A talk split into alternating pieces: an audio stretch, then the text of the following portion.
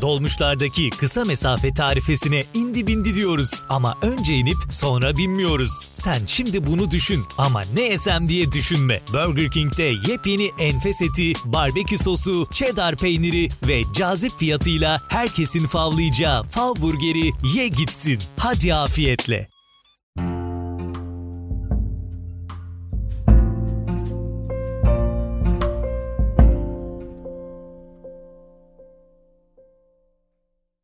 Merhaba.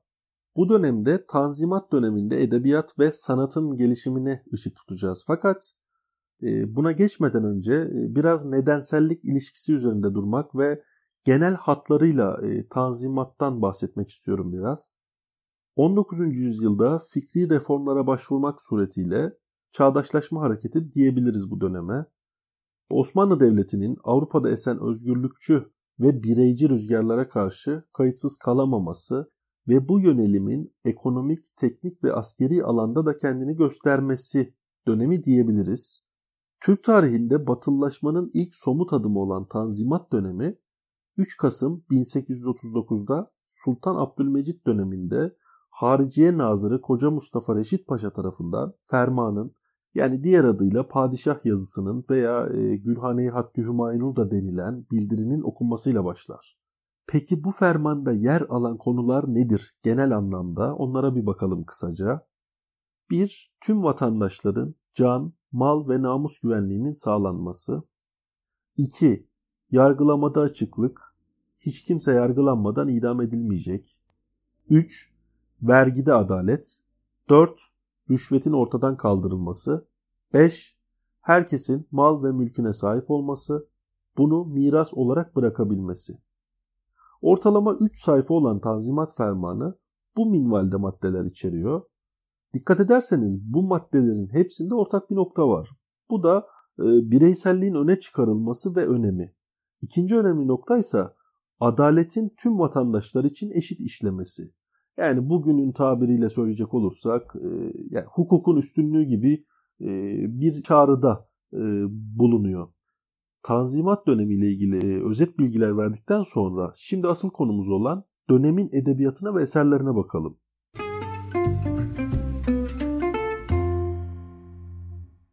Tanzimat edebiyatı günümüze kadar gelen köklü edebiyatın temellerinin atıldığı bir dönemi temsil eder aslında. Tanzimat Fermanı ile beraber e, Türk toplumunda ilk kez özgür düşüncenin görüldüğüne şahit oluruz. Esasen o dönemde Fransız ihtilali ile birlikte başlayan e, özgürlük havasından birçok devlet etkilendi. Osmanlı Devleti de Avrupa'nın askeri, teknik ve e, ekonomik alanlardaki gelişimi karşısında kayıtsız kalamadı ve yenileşmeye ve reformlara yönünü çevirdi. Bu batılılaşma ve yenilik hareketinin e, en çok kendisini hissettirdiği alanlardan biri de edebiyat alanıdır. Tanzimat edebiyatını incelediğimizde üç dönemde ele alırız bu dönemi. Divan edebiyatıyla Tanzimat edebiyatı arasında bir e, köprü gibi olan hazırlık dönemi 1839 ile 60 arasını temsil eder. Özellikle e, Fransız edebiyatından şiir, hikaye ve roman çevirilerinin yapıldığını görürüz. Devlet eliyle çıkarılan ilk Türk gazetesi olan e, Takvimi Vakayı bu dönemin eseridir. 1860'ta Tercüman-ı Ahval gazetesinin yayınlanmasıyla başlayıp 1877'ye kadar süren aynı yıl 2. Abdülhamit'in Meşrutiyet Meclisi'nin çalışmalarını durdurmasıyla sona eren dönemse 1. Tanzimat Edebiyatı'nı temsil eder. Bu dönemde e, toplum için sanat anlayışı benimsenmiştir genel olarak eserler halkın anlayabileceği sade bir dille yazılmaya çalışıldı. Tanzimat sanatçıları Fransız edebiyatına örnek aldılar mesela. Klasisizm ve romantizmin etkisinde kaldılar. İlk örnekleri bu dönemde görülen roman teknik yönden zayıftı. Şimdi şöyle bir durum var e, bir de. O dönem Tanzimat dönemindeki e, yazarların önlerinde bir örnek yoktu. Yani normal şartlarda roman yazmak isteyen bir yazarın kendinden öncekileri okuyup e, teknik açıdan ve içerik açısından e, araştırma yapabilmesi mümkündür günümüzde. Fakat Tanzimat döneminde henüz ilk eserler verilecek olduğu için yani önlerinde e, hiçbir açıdan bir örnek sayılabilecek bir yazar, e, edebiyatçı vesaire yoktu. E, dolayısıyla romanların teknik yönden zayıf olması normal karşılanabilecek bir durum. Çünkü ilk örnekler veriliyor. Romanlarda batıllaşmanın yanlış anlaşılması, aile sarsıntıları, köle ticareti gibi konular işlendi. Tiyatro halkı eğitmek için bir okul gibi düşünüldü. Sahne dili ve tekniği açısından başarılıydı. Şiir alanında yurt, ulus, özgürlük, insan hakları gibi yeni konular işlendi. O dönem noktalama işareti ilk defa kullanıldı. 1877'de başlayıp 1895'e kadar sürecek olan e, ikinci dönem Tanzimat Edebiyatı'nda Birinci Meşrutiyet Meclisi'nin e, 1877'de Osmanlı-Rus Savaşı gerekçe edilerek kapatılmasıyla başlayan baskıcı bir yönetim vardı. Bu durum sanat ve edebiyatı da etkiledi dolayısıyla.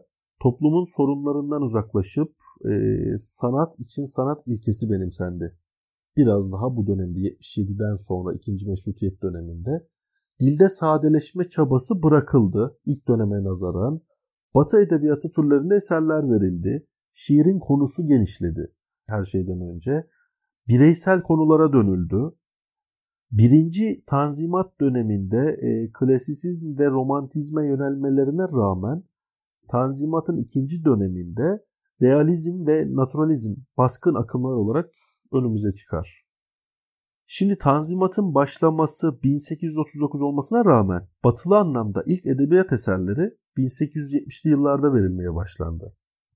Tanzimat edebiyatı dediğimiz dönem 1870 ile 1900 yıllar arasıdır aslında. Bu 30 yıllık dönemde yazılan eserlerde yenileşme ve batıllaşmayı görürüz. Örneğin tiyatroda orta oyunu türü olmasının yanında modern tiyatroda yazılmaya başlanır. Yine divan şiiri ve halk şiirine rağmen e, batı tarzı şiir örnekleri peyda olur.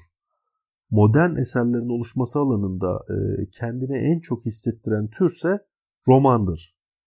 Bireyi öne çıkaran batı tarzı roman örnekleri bu dönemde üretilmeye başlandı.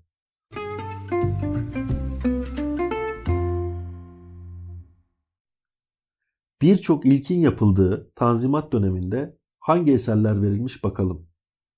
İlk resmi gazete Takvimi Vekai 1831 İlk yarı resmi gazete Ceride-i Havadis 1840 İlk özel gazete Tercümani Ahval 1860 İlk Türkçe bilim dergisi Mecmuayı Fünun 1860 Osmanlıca yayınlanmaya başlayan ilk mizah dergisi 1870 İlk çeviri roman Telemak Türkçe'ye Yusuf Kamil Paşa tarafından 1859'da Fransızcadan çevrildi. İlk yerli roman Taşşuk-ı Talat ve Fitnat Şemseddin Sami tarafından kaleme alındı ve 1875 yılında kitaplaştırıldı. İlk edebi roman İntibah 1876'da Namık Kemal tarafından yazıldı. İlk tarihi roman Cezmi 1880'de Namık Kemal tarafından yazıldı. Recaizade Mahmut Ekrem'in 1898'de yazdığı Araba Sevdası ilk realist romandır. İlk köy romanı Karabibik, Nabizade Nazım'ın 1890'da yayınladığı eseridir. Yine Nabizade Nazım'ın yazdığı ilk naturalist roman olan Zehra, ilk defa 1894'te Servet-i Finun'da tefrika olarak yayınlandı. Batılı tarzda ilk hikaye, Sami Paşazade Sezai'nin 1891'de yayınlanan Küçük Şeyleridir. Batılı tarzda ilk yerli tiyatro. 1860 yılında tercümani ahvalde tefrika edilen şair evlenmesi Şinasi tarafından yazıldı. Sahnelenen ilk tiyatro eseri Vatan yahut Silstre. Namık Kemal'in 1872'de kaleme aldığı dört perdelik tiyatro yapıtıdır. İlk çeviri şiir Tercüme-i Manzume 1859 yılında Şinasi'nin Fransızcadan tercüme yaptığı şiir ve mensur eserlerdir. İlk antoloji Harabat Ziya Paşa'nın 1874 ile 1875'te yayınlanan içerisinde Türk, Arap, İran ve Çağatay sahasında yazılmış şiirlerden seçmeler bulunan 3 ciltlik divan edebiyatı antolojisidir. İlk makale Tercümanı Ahval Mukaddimesi Şinasi'nin 1860 yılında Tercümanı Ahval gazetesinde yayımlanan makalesidir. Türk edebiyatında ilk modern eleştiri örneği kabul edilen Tahribi Harabat, Ziya Paşa'nın Harabat adlı divan şiiri antolojisinin ilk cildini eleştirmek üzere Namık Kemal'in 1876'da kaleme aldığı eseridir. Edebiyatımızda batılı anlamdaki ilk günlük direktör Ali Bey'in 1897'de yayınladığı Seyahat Jurnali adlı eseridir. Duru bir emsali Osmaniye, Şinasi tarafından 1863 yılında yazılmış olan ilk atasözleri kitabı niteliği taşıyan eserdir. Eserin ilk baskısında 1500 kadar Osmanlı atasözü ve deyimi derlenmiştir.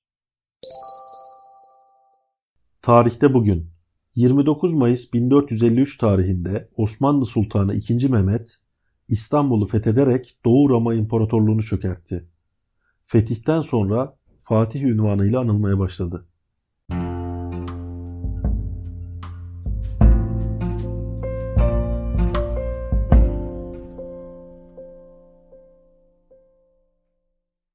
Dolmuşlardaki kısa mesafe tarifesine indi bindi diyoruz. Ama önce inip sonra binmiyoruz. Sen şimdi bunu düşün ama ne esem diye düşünme. Burger King'de yepyeni enfes eti, barbekü sosu, cheddar peyniri ve cazip fiyatıyla herkesin favlayacağı fav burgeri ye gitsin. Hadi afiyetle.